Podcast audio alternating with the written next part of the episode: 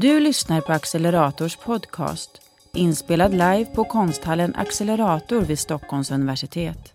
Hej eh, och hjärtligt välkomna till Accelerator och dagens konstnärssamtal med Johanna Gustafsson Fürst. Jag heter Therese Källner och jag är kurator på Accelerator och kurator för Johannas utställning. Ehm, jag tänkte först bara eh, berätta lite om vart vi är, kanske för några av er som inte har varit här tidigare. Eh, Accelerator är en konsthall där konst, forskning och samhällsfrågor möts. Vi eh, är en del av Stockholms universitet. Vi drivs av Stockholms universitet. Vi har två externa partners. Magasin 3 Museum and Foundation for Contemporary Art och familjen Robert Wiles stiftelse. På den platsen som vi sitter just nu var eh, det var utomhus för kanske ett halvår sedan. Eh, den 6 september förra året så eh, invigdes Accelerator. Så vi har varit igång un ungefär fyra månader. 2015 eh, tog Stockholms universitets rektor Astrid Söderberg Widding eh, beslutet att instifta Accelerator, som det heter. Och eh, 2018 så började byggprocessen. För här, det här, här vi sitter var alltså utomhus och i tegelbyggnaderna intill oss så finns institutionen för kultur och estetik. Och eh, resterande eh, eh, lokaler som eh, Accelerator har, alltså själva utställningssalarna eh, och så, det har tidigare varit ett eh, fysiklaboratorium. 1924 så fanns det en fysikforskare i namn Manne Sigban som fick Nobelpriset i fysik. Och ganska snart därpå började eh, ett stort laboratorium för honom byggas. Och 1937 så invigdes Manne Sigban-laboratoriet. Och det är eh, accelerators tidigare, eh, vad accelerator var förut. Eh, här bedrevs eh, forskning inom acceleratorfysik och det är därav eh, vårt namn kommer ifrån. Ehm, ja, så vi har alltså varit igång i fyra månader ungefär. Eh, det här är Accelerators tredje utställning. Vi öppnade i september med den tysk-indiska konstnären Tino Segal och utställning nummer två var sen med den franska konstnären Cyprien Gaillard. Eh, idag så kommer vi under den här stunden framförallt att prata om eh, det som presenteras i salarna där nere. Men också lite de ämnena som tas upp och de frågor tas upp hur det eh, har bakgrunden till dem helt enkelt i ditt konstnärskap. Eh, kort bara, vi kommer prata lite om din praktik. Men eh, jag vill ändå lite kortfattat säga att eh, eh Johanna du har ju visat eh, verk i väldigt många olika kontexter. I offentliga rum eh, så har du många gånger involverat eh, en plats i långsiktiga processer. Du har visat på mindre gallerier, du har visat i Sverige och utomlands. Och eh, 2017 så fick du eh, Moderna Museets vänners skulpturpris.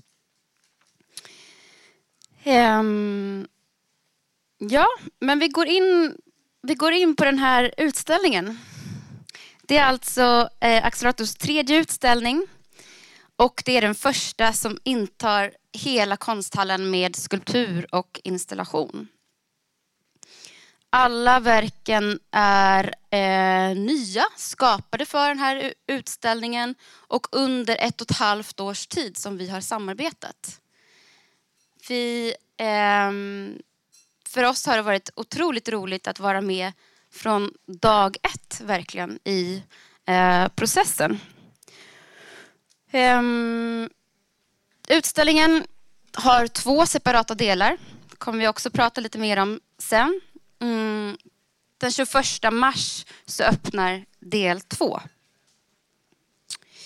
Men eh, jag tänkte att vi skulle börja lite eh, där det började. Eh, så för ett och ett halvt år sedan så besökte vi din ateljé. Då var det som att vi kom in och eh, eh råkade eh, komma i kontakt just när du var i en brytpunkt i ditt arbete. Det var inte så mycket att se i din ateljé, den var tom. Eh, vill du berätta om det? Vart var du då? Eh, varför var det tomt i ateljén? Um, jag vet inte varför det var tomt i ateljén. Eh, det kan ju vara en berättelse om depression eller om, om, att jag kanske var jätteglad och lyckades städa ateljén för en gångs skull. Men det var ett särskilt läge för jag brukar alltid ha liksom ett flöde med saker som liksom bara pågår. Så plötsligt så av någon anledning så hade jag haft behov av att städa ut. Jag tror att jag hade liksom jag hade varit länge upptagen av eh, offentligt rum, segregering eh, och hur vad offentligt rum gör med oss och hur det är en, liksom både en exkluderande och en inkluderande struktur. Hörs jag? För jag vet att jag har en tendens att mumla. Bra.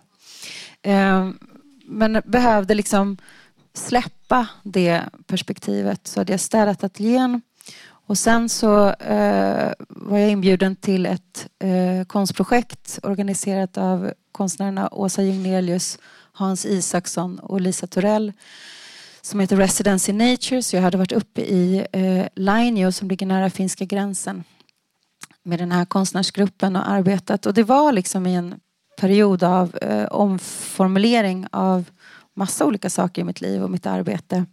Och då när man är sådär lite tom ni vet, då kan ju saker skära in i en eh, extra mycket. Eh, och i Lainio så var det en föreläsning organiserad av organisatörerna för Residential Nature av en professor som heter Lars Elenius.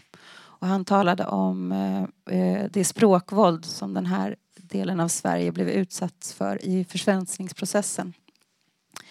Då satt jag också och jag hade en period, ganska destruktiv period, när jag sitter och googlar på olika politiska motioner som jag tycker illa om. Och just det här att eh, det plötsligt kommer politiska motioner som handlar om att dra in på modersmålsundervisning. Ehm, och som kanske ja, som vill förbjuda svenskt tal på raster för barn. Eh, som, som just är i ett läge där de går, börjar skolan och ska eh, lära sig ett nytt språk men också försöka behålla sitt egna språk den där eh, konflikten. Eh, men också se hur personer som eh, har blivit drabbade av den här enspråkighetsnormen och försvenskningsprocessen som också handlar om att bygga en, en nationalstat och alltså kommer ur rasism är ju fruktansvärt. Så att det, och, och, träffa också och förstå hur lång tid ett sånt trauma finns kvar på en plats. Och alltså förstår via det hur många trauman som eventuellt skapas här och nu i hela världen. Det är ju eh, väldigt viktigt att vi bevakar eh, så att inte det händer om och om igen, vilket det i och för sig gör. Ja. Men eh, vad var det för eh, erfarenheter du mötte i Lainio? Ja, men alltså, personer som har Eh, börjat skolan och samtidigt förbjudits att tala sitt modersmål, finska eller meänkieli. Så just det där att möta kunskapen, att möta starten på att nu ska jag börja en process, kunskapsprocess och så samtidigt så rövas ditt språk bort. Alltså det är ju helt eh, vansinnigt. Ja. Och eh, så, så hela processen med eh, utställningen Ympa orden, piska min tunga tog sin början där i Lainio. Vad hände när du kom tillbaka från Lainio? vad hände när du kom tillbaka till ateljén?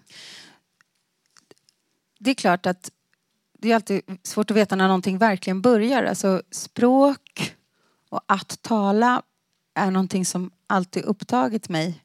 Eh, jag arbetar med ett material som är tyst och stilla.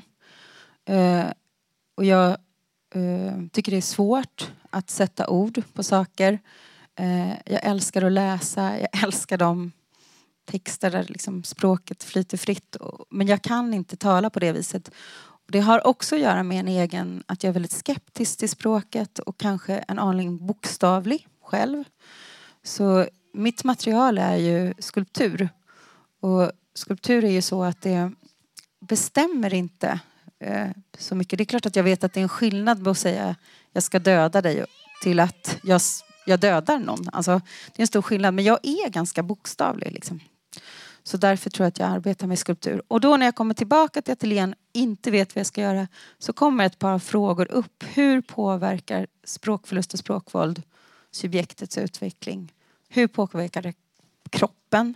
Och kan jag ta mig an det här liksom mer fokuserat än vad jag gjort tidigare via skulptur, alltså utan att tala. Tidigare har jag varit, liksom, tittat mer på hur till exempel ett språk som används inom affärsvärlden sipprar ner i våra vardagsliv. Till exempel begreppet win-win som kommer ju från att man ska göra en affär med varandra där båda parterna ska vara nöjda. Ehm, jag gjorde en skulptur som hette Win-Win till exempel. Det, det, var liksom, jag var upptagen i två år av hur de här begreppen sipprar ner i vårt vardagsliv och vad som händer med oss om man till exempel säger så här. Du hämtar barnen, jag sticker hem och lagar middag. Ah, win-win. Att vi börjar förhandla våra vardagsrelationer som någonting som ska vara jämlik. Liksom. Eller, alltså det är klart att vi ska ha jämlikhet men det, den formen av rättvisa i en vardagssituation. Det fungerar inte. Vi är ju människor och vi är ibland svaga och ibland starka. Och den som just har ett överskott måste hjälpa den andra. Så håller vi på så i den bästa världen. Så det har jag varit inne Så jag har varit lite inne på språk på det viset mm. tidigare. Um, nu under de senaste dagarna så uh, när vi har pratat så har du också pratat om ett slags um, storyarbete i samband med det här. Och också eh, mötet med språkforskningen. Ja. Eh, efter Lainio där eh, så ja, men nu har jag redan liksom förklarat att det var en, en ganska en tuff period och jag eh, började jobba i ateljén ehm, och känna på det här. Jag kom också på egna minnen att jag själv Ehm, kom till skolan och då trodde de att jag hade talfel och jag fick skickas till en talpedagog. Jag hämtades från klassrummet till ett litet rum där det stod en maskin som pep när jag pratade fel. Tills mina föräldrar upptäckte att jag liksom talade konstigt hemma och ringde skolan och då upptäckte skolan att ni pratar ju också, ni har ju också talfel. Och det visade sig vara småländska. Och det, det här, alltså det är ju så knäppt men det har också, det har inte liksom bara, det har ju att göra med eh, landsbygd och stad. Det är ju massa liksom saker som kommer upp i den historien. Um, vad, vad var frågan du mig? Jo, eh, om, om, och så om mötet med språkforskning. Ja, just det. Ja. Jo, men jag hamnade ju liksom i ett, ett, ett svajigt läge. Jag började arbeta med de här skulpturerna ni ser där nere i trä. Um, och det som var fint då var att, alltså att, att ta sig an någonting, gå in i det och börja Eh, jag började läsa poesi mycket mer. Jag började sluta googla motioner och istället via Accelerator fick jag träffa eh, personer som arbetar här på universitetet varje dag. Eh, forska väldigt nära mänskliga erfarenheter om språk och språkförlust och flerspråkighet och träffa dem och prata och då liksom se den här på något vis långsamma aktivismen eh, som pågår här som är enormt eh, rikt. Det finns ju, och det har också varit liksom en slags tröst. Ni vet, om man är, eh, det är bättre att ta tag i saker när något är jobbigt. Så det, via det här arbetet så har jag gjort det. Men det har också varit, det kommer ur en, en sorgeprocess. Ja, också att trots all denna forskning som bara är så grundad erfarenhet så kommer vissa, så, så vill man spara pengar på modersmålsundervisning. Och hur funkar verkligen språk då? Då, då, då kan man ju tänka så här, går inte ord in i folk? Och då blir jag ju också väldigt, alltså då kan jag börja tvivla på språket. Så det har, det, det har växlat mellan ett, ett enormt tvivel på språk eller på att, att tala fungerar och en, också en skräck att, det funger- det liksom, att ett ord kan vara som en piska. Och däremellan har jag liksom hovrat. Um, mm. ehm, apropå det, mötet med språkforskare, så kan jag lägga in bara att Accelerator eh, arbetar tillsammans eh, med forskare på olika sätt. Det är en stor del av vår verksamhet. Och eh, just nu så har vi eh, försökt hitta lite olika format för det. Ett format är att vi mm, utifrån en konstnärs eh, intressen och det Eh, en konstnär arbetar med så finner vi forskare som eh, arbetar med samma ämne. Eh, och så har det varit i ditt fall. Så faktiskt under ett års tid så har du träffat olika personer.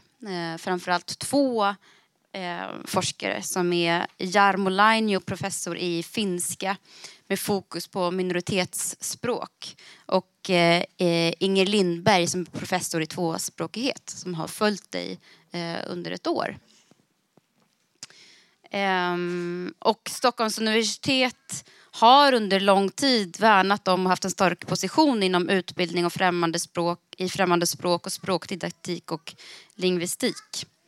Ehm, så det har också varit en optimal plats att ehm, ja, men har väldigt, funnits väldigt, väldigt fina förutsättningar eh, att ehm, involvera forskare i utställningsprocessen och det har varit möten och samtal som verkligen har berikat eh, eh, både mig som person men som jag vet också eh, den konstnärliga processen.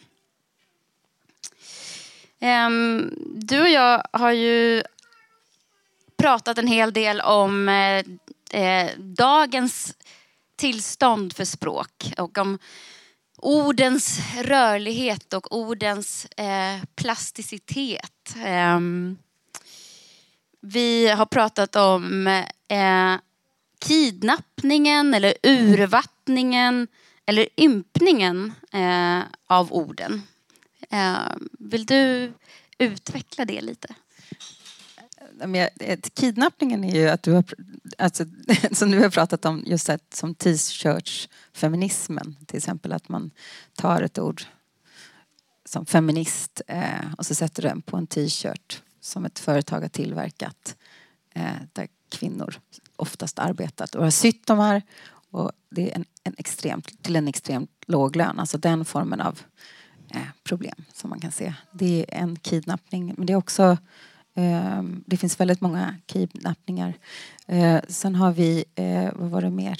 Ja, men, ehm, vi hade till exempel ett superspännande samtal med ehm, Charlotta Seiler Brylla, professor i tyska här på SU och hon är också eh, koordinator för ett nytt forskningsområde som tar sig an språk och makt från olika områden här på universitetet. Och hon, ett av hennes exempel var till exempel eh, invandrarkritisk. Hur det, alltså nu har, har det sipprat in ganska långt, eller länge, men hur det nästan har blivit eh, in, normaliserat eller hur, hur det liksom används i journalistik och i riksdag eh, istället för rasist eh, som kanske egentligen borde vara, eh, eller tidigare kanske var det egentliga ordet. Hur, hur, hur förskjutningar sker som, ja, men som man skulle kunna kalla urvattnar orden. Eh, och kidnappning av orden kanske det snarare är när en eh, multinationell klädkedja skriver punk på sin t-shirt eller så. När ord som kommer ur motståndsrörelser eh, arbetar in inom konsumtionens tjänst till exempel. Um. Ympningen, det är ju ett ord som, som kom till genom en fysisk process i ateljén. Därför att jag, eh, jag tänker tyst via skulptur. Och eh, jag började det här arbetet med att eh, jag inte hade något i ateljén förutom en stol som var byggd i böjträ. Och det var den jag hade och då började jag plocka isär den. Och just att se de här isärplockade stolsdelarna eh, fick mig att starta och göra en liten skulptur som vi hade då eh, till eh, arbetet i Residence in Nature så det var liksom en start via Luleåbiennalen och i Lainio så organiserade eh, Åsa Jungnelius, Hans Isaksson och Lisa Torell en, en, utställning på platsen. Så där tog jag upp den, en första skulptur där jag hade satt fram, samman eh, små stolsdelar. Och då var jag upptagen av disciplineringen av att, trä, att, att, att vi har trä som växer fritt och sen så tar vi en bit och så klämmer vi in den i ett, ett, ett, ett, ett kulturellt föremål, en stol som vi ska använda. Och den där disciplineringen in från, från, från ett vilt växande till ett eh, understödjande funktionssystem för oss människor är ju förstås intressant. Men sen blev jag mer och mer intresserad av hur saker och ting blev sammanfästa. Alltså dels för att jag är dålig på att snickra, jag kan inte det. Och via det där att inte kunna någonting då börjar man göra massa klantigheter och sen så var det en god vän som sa, men kolla på ympningsprocesser. Där har de ju massa smarta knep för hur man fäster in någonting i något annat. Så då började jag kolla på ympningar. Eh, det finns till exempel en ympning som heter tung och piskympning. Så bra. Jag har inte riktigt lyckats göra den. Den är liksom väldigt svår sådär. Men, och då börjar jag tänka så här, ympning det är en våldshandling. Men den är till för att berika, så att man kan få flera olika äpplen på ett och samma träd. Och då bara ympning och språk som flyttar, hur språk flyttar in i varandra eh, blev ju som en metafor för hur jag skulle vilja att vi betraktade språk som någonting som, ja det gör ont när någon säger till mig, men du kan inte använda det ordet, det är ett kränkande ord. Och då inte bli så jävla kränkt utan bli ganska glad över att vi hjälps åt att bli bättre liksom, tillsammans. Det tycker jag skulle vara en bra idé. När vi ändå pratar om ympningen, eh, då kanske vi kan komma in på utställningens titel. Ja, precis. Ja, men just det där med att, att, att uh, försöka hjälpas, hjälpa varandra, att hitta ett språk som stämmer bättre med hur vi vill leva. Är ju en, det är ju det som egentligen så fungerar i språk. Men att vi kan vara med i det. Men jag, uh, så ympa orden, okej okay, det har jag. Nej, men piska min tunga, där är ju... Det finns en, en dikt som en poet och författare som heter Bengt Pojanen har skrivit som heter Min tunga är piskad, eller den heter inte det. Min tunga är piskad mellan två språk, skriver han. Och sen hade vi ju tung och pisk. uh, uh, uh, ympningsmetoden. Eh, så jag, var, jag blev intresserad av det där med piskan och att jag också jag tycker om att min tunga piskas av någon annan. Jag tycker om att undervisa. Jag har studenter och jag mina barn lär mig hela tiden hur vi kan liksom prata med varandra bättre. Så där kan du inte säga. Och jag kan, liksom, vi kan hjälpas åt. Så det är en bön om att min, jag vill faktiskt att min tunga ska bli piskad. Om en, en ganska masochistisk bön kanske. Men sen vill jag också att min tunga skall kunna piska. Jag känner mig inte så bra på att använda ord men jag vill. Jag vill också uppmuntra uppmuntra min egen, eller uppmana min egen tunga till att piska. Att ord skall betyda någonting, de skall kännas. Inte urvattnas. Nej, inte urvattnas. Mm. Så att, därav titeln. Och också Eh, det arbetet som är i det vänstra rummet när ni kommer in med en grupp på 21 skulpturer byggda i olika delar av böjträ och sen också rundstav och sen också eh, vanliga pinnar. Mm. Jag tänkte att vi kunde prata lite om din process ehm, och eh, sen komma in lite på ord i dina verk. Mm. Men ehm, eh, som jag... Eh, ja, men jag har ju följt ditt konstnärskap länge. Jag har varit i Småland på glasbruk och sett dig presentera glasskulpturer. Jag har varit på en annan plats i Småland eh, och sett dig göra eh, performance och interventioner längs en eh, landsväg. Eh, jag har sett dina verk på Möllevångstorget eh, i Malmö. Ehm, du har eh, nyligen eh, presenterat verk tillsammans med Residence in Nature på Luleå biennale. Och eh, på alla de här platserna, specifikt, eller framförallt i, i det offentliga rummet, så har jag verkligen sett hur du är i dialog med platsen på olika sätt. Hur du fördjupar dig i platsen, hur du fördjupar dig i platsens historia, i material och rumsligheter som finns där och framförallt människor som eh, använder eller bor på platsen. Och eh, och samtidigt tar in eh, omvärldens eller politiska skeenden i omvärlden som påverkar platsen. Eh, och ehm, det är en väldigt, väldigt rörlig process. Eh, och är någonting som här på Accelerator har till exempel den här dialogen har tagit sig uttryck mycket i, att, eh, i dina samtal med forskare. Men det är också det som har eh, utvecklat de här två delarna av utställningen. Då, eh, det kändes spännande att ta in den här rörligheten, den här dialogen eh, till accelerator och se vad som skulle hända. Så eh, våran inbjudan till dig var ju egentligen, eh, den var väldigt öppen. Du fick chansen, eller du, vi, vi sa att du i princip kunde förändra hur mycket du ville eh, under eh, utställningens gång. Ehm, men du valde att utveckla två delar. Jag tänkte att du kanske ville utveckla lite det här med det dialogiska arbetssätt men också um, varför det blev två delar. Ja. Det är viktigt att säga när vi pratar om dialogiskt att det handlar ju inte så, såklart bara om andra människor men det är uppenbart för er att jag tycker väldigt mycket om att prata med andra människor och jag lär mig bäst genom att möta personer som berättar för mig. Det är lättare för mig än att läsa till exempel. Så att jag pratar väldigt mycket med andra människor med olika erfarenheter. Jag är mycket i dialog med rum, en kontext, här till exempel. Men också med fysiskt material. Alltså jag saker uppstår i den materiella processen. Som till exempel om jag arbetar med eh, trä så kommer ordet ympning fram så det hjälper mig att tänka. Och ett, ett, jag behöver arbeta med fysiskt material med ganska hög densitet som har mycket motstånd i sig som, som eh, gör mig ganska långsam. Eh, så att jag tappar kontrollen och sen kan saker uppstå som jag inte känner till. Så det är en dialog som sker på flera olika sätt. Eh, jag har då haft en nära dialog med de här rummen med er teamet på Accelerator och forskare och det har ju liksom varit det där eh, att hela tiden skapa en situation där jag kan tänka mig mina material och tänka mig andra personer.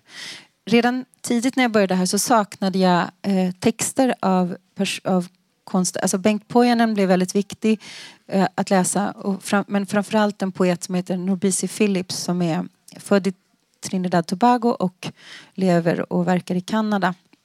Hon skriver om språkvåld och flerspråkighet och det bästa av allt är att hon kan liksom göra text så att den känns i munnen. Så att hon kan liksom, alltså hade jag kunnat skriva så så hade jag inte behövt göra skulpturer. Det är ganska tungt och arbetsamt och de tar plats. Men hon kan liksom skriva så att man börjar känna sin egna kropp. Hennes två fragment ur en av hennes dikter um, ur en bok som heter, en diktsamling som heter She tries her tongue eh, har jag använt eh, i, i en titel. Så det är liksom en dialog med poeter, med rummen, med fysisk materia och forskare här. Um, um, de två delarna, nu ska jag försöka svara på dina frågor. De två delarna, eh, det, ni frågar, jag hade ju i princip kunnat enligt er fråga göra vad jag vill. Jag kunde förändra varje vecka om jag ville.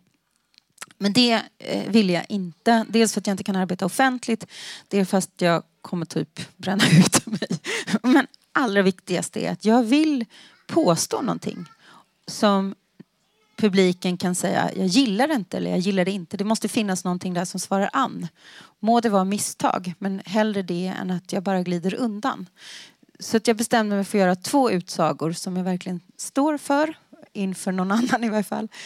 Och att det var också bra att, för jag märkte via det här arbetet så hamnade jag väldigt lätt i eh, dikotomier, alltså att ont och gott eller um, jag hamnade så. Men i och med att jag kunde förskjuta vissa idéer till en annan, ett annat kapitel så blev jag, eh, hade jag lättare att eh, hålla fokus och låta verken säga emot varandra. För varje verk, varje, mina verk måste säga minst, de måste säga emot sig själva så att man hamnar i ett läge där man inte riktigt hänger med. Sådär.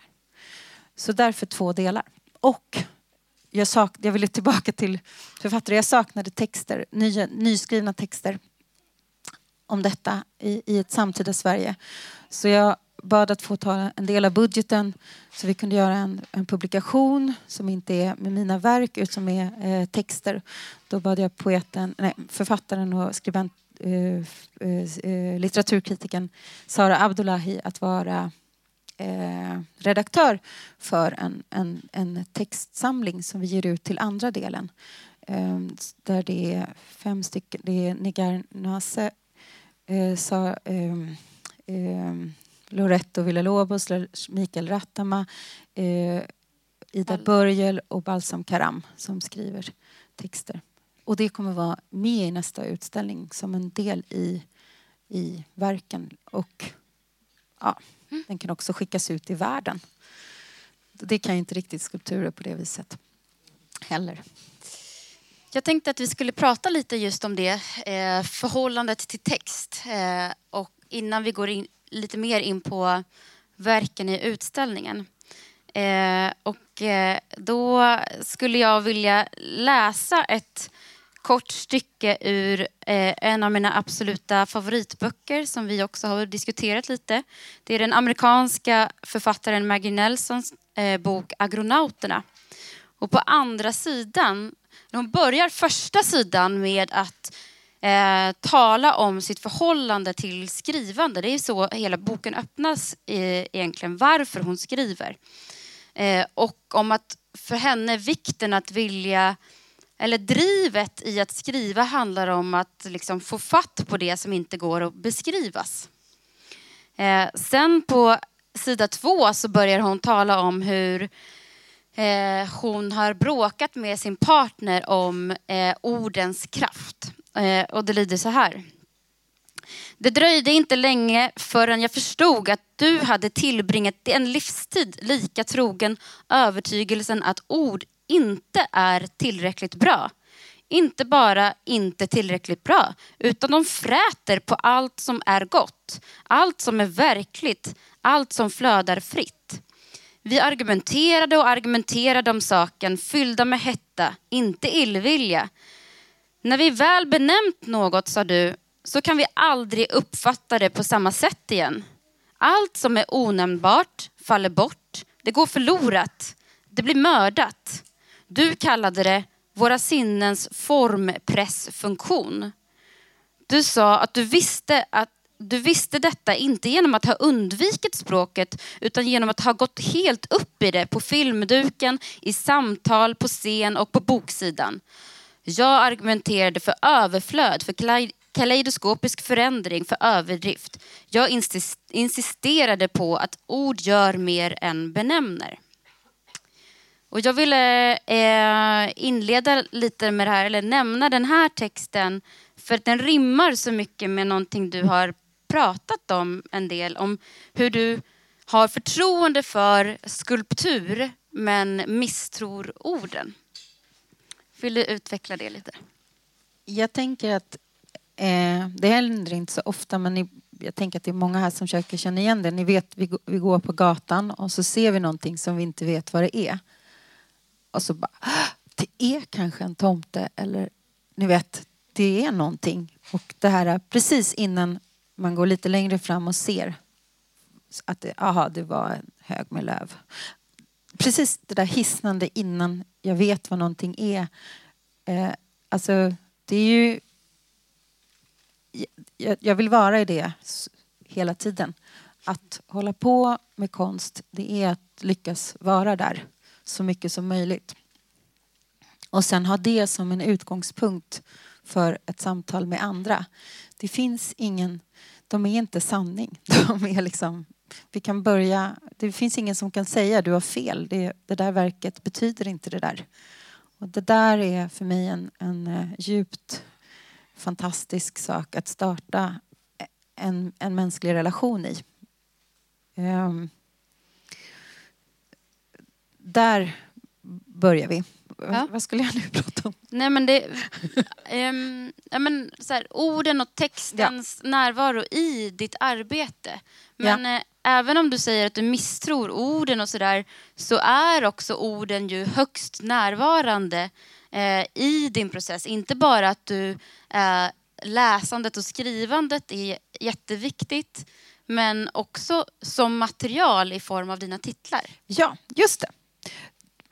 Precis, men då, är liksom, då plötsligt blir orden ett material jag arbetar med och ingenting som glid, slinter ur min mun. Liksom, utan då är de eh, med i en modellerande process. Och jag tänker att det är såklart att det är så poeter och författare arbetar.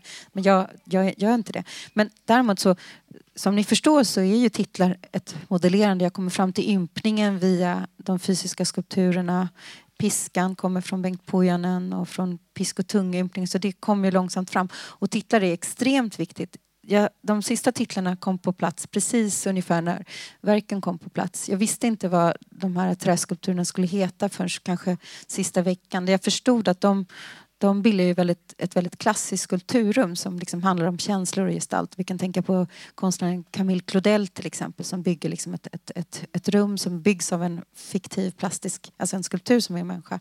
Och den där, eh, så jag ville ha en titel som verkligen beskriver ett känsloläger och det var därför jag tog två fraser ur Nobisi Phillips. Eller hur till exempel eh, verket Vox som ni ser i entrén. Jag ville att det skulle heta ett material. Jag har varit väldigt upptagen i hur, hur kan jag liksom skulptera orden som kommer i munnen? Hur kan jag liksom låsa fast dem i en fysisk massa och liksom på något vis få fatt i dem? Och hur kan det helt bisarra att vi har liksom en organ som kan göra så många miljarder ord som kan göra barriärer, katedraler, nationalstater, kärleksdikter den där förflyttningen mellan liksom struphuvudet till en kärleksdikt. Där vill jag ha, och då var jag tvungen att benämna skulpturen Vox, alltså röst. Jag började peka på eh, ett material. Samma sak med eh, modertungan. Där, där kom titeln och själva bilden hur den skulle se ut Alltså, alla verk kommer ju fram olika. De här träskulpturerna i trärummet har jag långsamt arbetat fram. Men modertungan kom mer så här, så här måste den se ut och den ska heta modertungan. Den är en modertunga. Och modertunga är ju förstås inte ett ord som finns i svenskan utan det är ju taget från engelskan där det finns liksom, där ett särskilt språk med ett särskilt ursprung eh, pekar på ett organ som inte finns. Den här växlingen mellan eh, organ och begrepp Eh, och språk. Så där vill jag ha det. Så, att, eh, så titlarna ska också stämma med, med själva rummet eller ABC-boken. Den är ju ett symbolrum, den är ju platt. Det är en väv. Och jag påstår att den är en ABC-bok. Så där har jag liksom, där använder jag, där använder jag ordet det är ju liksom helt avgörande att den heter ABC-boken. Annars så skulle den ju bara vara en stålväv. Va? Då använder jag ordet till att liksom bestämma ordentligt så att jag får er att tänka, inte på något annat än en ABC-bok. Mm. Där är jag ju styrande i titeln. Mm. Eh, nu när vi pratar om verken specifikt. Eh, jag vill bara uppehålla mig lite vid eh, Vox som du nämnde först. Det är alltså, för er som inte har varit, hunnit ner än, så är det eh, det första verket som man möter precis när man kommer ner. Men det är också eh, utspritt så att det eh, finns både i, precis i entrén men i båda utställningsrummen. Eh, du talade om att du vill ha en rörlighet, att det här, det här verket skulle behöva flyta ut. Varför? Eh, jag tyckte att eh, de verken som är liksom träskulpturer, de talar för mig i varje fall mer om kropp och tecken och liksom den formen av språklighet eller hur språket blir till. Men jag var upptagen av just det här som jag pratar om. Att vi har ett mänskligt organ som sen kan bygga en kärleksdikt till att eh, och där finns det en rörlighet däremellan. Men också hur den här upplevelsen av att inte riktigt veta ordet på någonting. Innan vi vet vad någonting är så är det hisnande. Så jag vill också ha den där hisnanden, att vi inte kan bestämma oss. Det var därför viktigt att Vox spred sig runt, att den var byggd av flera olika fragment, att den i sig hade en rörlighet, att den förflyttar material. Riggen i ABC-boken flyttar ner och håller lampan som skapar ljusreflexen i reflextyget som härmar det modellerade aluminium Uh, ni vet den här förflyttningen där det bara glider fram och tillbaka. Uh, jag vill också skapa en ambivalens hos besökaren när vi kommer ner i rummet. Att vi inte riktigt vet var vi ska gå. Uh, jag hoppas att det fungerar. att man liksom ska gå till vänster eller höger, att du lite stannar upp. Det var också viktigt med en bländning så att du inte liksom, eh, så att du tappar en aningens eh, kontrollen när du kommer ner. Hoppas jag i varje fall. Eh, jag ville ha motljus genom den här barriärmarkeringen. Eh, jag slipade ner barriärmarkeringen. Den är ju vit och röd, ni vet den här vanliga vi ser överallt. Det var viktigt att slipa ner den så att den precis upphör att vara tecknet för barriär och nästan blir eh, något vi inte kan riktigt kontrollera. Så det är också där växlingen mellan tecken och upplöst tecken. Mm. Jag har ett par minuter kvar innan vi kommer öppna upp för frågor. Ehm, jag tänkte, vi har, vi har talat en del om eh, ja, först när man kommer ner så möter man Vox eh, och till vänster finns eh, ett rum som består av 21 skulpturer som alla utgör ett verk. Eh, vi har talat om ympningen lite i den. Jag tänkte att vi går in i rummet med betonggolv igen och eh, eh pratar lite om ABC-boken. Det är alltså den, den riktigt höga eh, installationen som eh, består av rigg och, ehm, och staketbitar. Ehm, I, när du har pratat om ABC-boken så Eh, du har ju varit väldigt fokuserad på system kring språk och eh, eh, den, den, de maktorgan som upprätthåller eller definierar ett språk. Till exempel så är det ju statlig makt som beslutar vad som är ett språk eller inte. Meänkieli är sedan 1999 ett officiellt minoritetsspråk i Sverige. Eh, och sen så här på universitetet så pågår det ju en konstant uppdatering eller undersökning eller definiering av språket.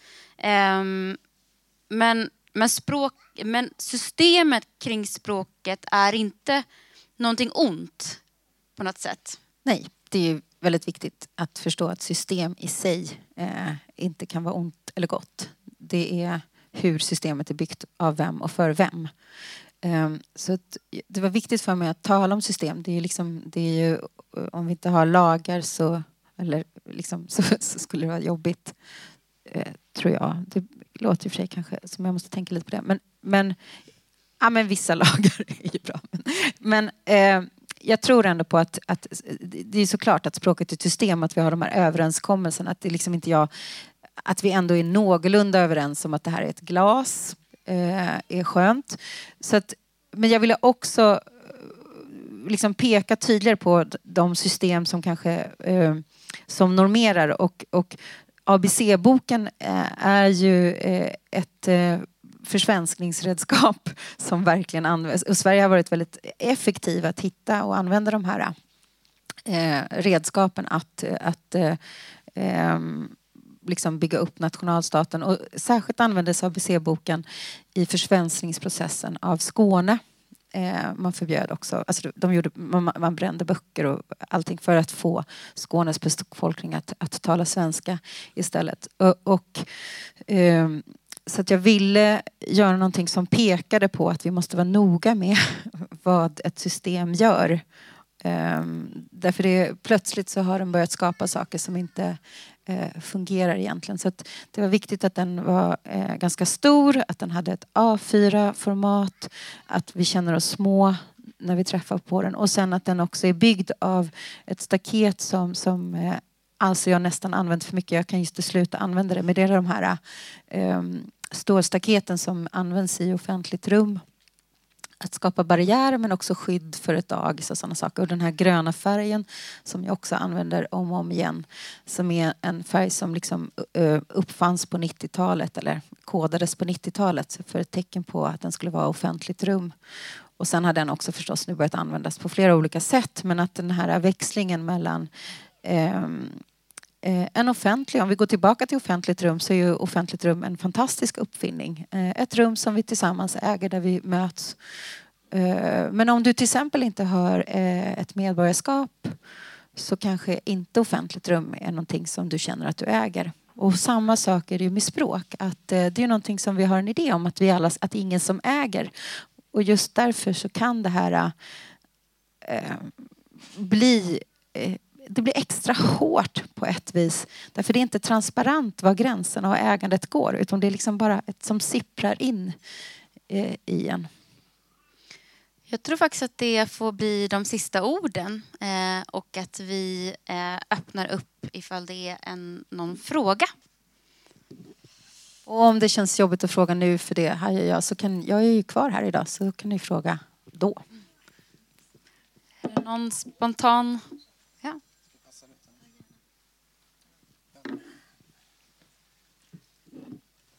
Ja. Tack. Eh, hej. Eh, jo, jag funderar lite på det här att du har jobb, den här ambivalensen inför språket och att du också har jobbat med forskare, vetenskapspersoner. Hur, du, hur, hur det har varit med tanke på att vetenskapens språk ju inte lämnar så mycket utrymme för tvetydigheter och, utan är väldigt sådär rakt på.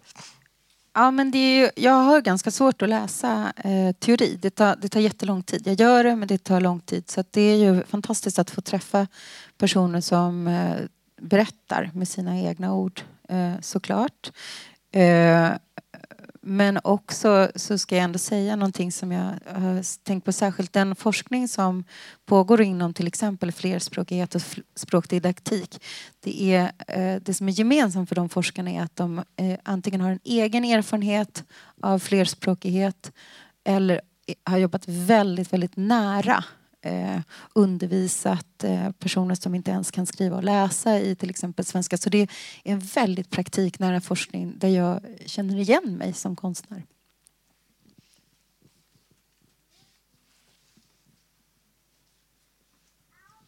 Hej. Eh, jo, nej, jag blir väldigt, väldigt, väldigt fint att få höra det här samtalet. Fantastiskt. Eh, jag blir nyfiken på det som var själva utgångspunkten för arbetet rent fysiskt som man har fått läsa i texterna. Det var att du skulle plocka material ifrån byggprocessen. Eh, eh. det är då ett eh, missförstånd. Det är ett missförstånd. men det är inte så konstigt kan... missförstånd. Nej. Men okej, okay, men jag går i alla fall igång på det och tycker att det är spännande. Och det ligger ju ganska nära din tidigare arbetsprocess också. Och det där, där blir jag så nyfiken på du har liksom laborerat kring det här ändå i samtalet nu men just det här fantastiska uppplockandet utav alla typer av material liksom lågstatusmaterial från marken och ta upp dem och förgylla dem och liksom se dem på ett nytt sätt. Det blir jag väldigt fascinerad av i din process och vill höra om du skulle kunna utveckla eller ja, Ja, men tack för den frågan. Den är, det är jätteviktigt därför att det är ju Alltså tänk om man tänker egentligen att hela språket är en enda samling med ready-mades som vi liksom sätter ihop och så skapar de nya meningar. Alltså det är ju så det är. Och det, där kan jag förstå att det, alltså via den här processen har jag också sett det tydligare att eh, herregud, det är ju som att jag tar av hela vardagsverkligheten och alla andra, alltså och fik fiktionsverklighet. Jag tar ju av alla andra. Jag snor ju liksom av poeter och jag snor av offentligt rums standard. Jag, liksom, jag plockar ihop och rycker saker ur verkligheten och sätter ihop dem. Så att det finns en igenkänning hos varje material. Jag äh, försökte först böja trä själv. Det, jag lyckades göra en liten böj på tre veckor. Det var inte så tidseffektivt. Och sen så började jag eh, tänka att någon, jag skulle kunna rita kurvor som sen skulle kunna göras. Men det gick inte för då blev jag så vansinnigt konstnärlig i själva ritningen, alltså det blir gräsligt. Och då kom jag på att just det, det finns ju restprodukter från en stol, eh, stolsprocess som jag kan liksom få köpa. Och då fanns det ju liksom en slags böjnorm som jag kunde pressa vidare, precis som den första stolen som jag plockade över. Men det är ju ganska dyrt att köpa liksom böjträstolar och sen Alltså det kunde jag inte heller med att förstöra. Så, jag, så, att, så att det är ju ett ständigt upplockande av det som finns och sammanplockande Eh, och hela den här montagemetoden eller assemblaget som jag arbetar med är ju, är ju för mig väldigt nära ett, en, en slags, eller ett språk, hur språk fungerar. Eh, så eh, att jag just inte har plockat från den här byggplatsen är, är men, det, men jag plockar ju väldigt mycket. Jag kan säga till er var de olika sakerna finns. det liksom, det är jag plockar alltid saker Jag tror faktiskt att Det finns en sista fråga.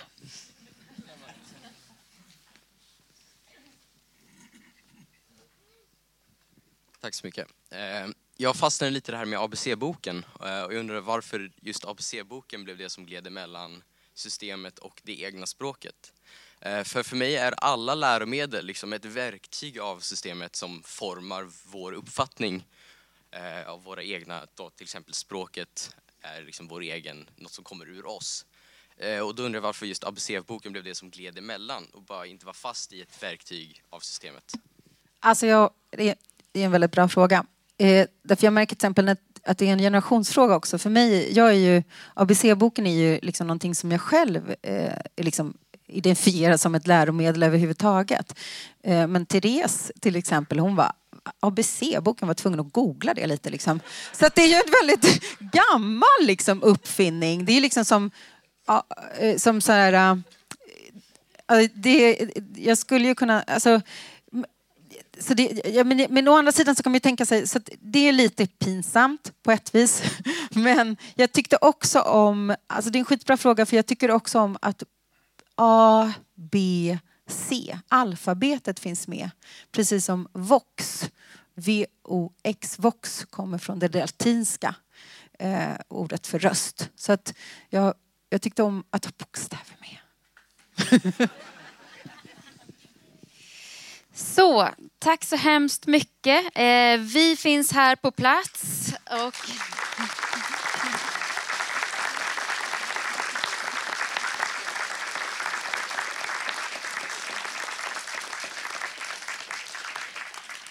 Tack så jättemycket för att ni lyssnade. Om ni ställer fler frågor så finns vi här.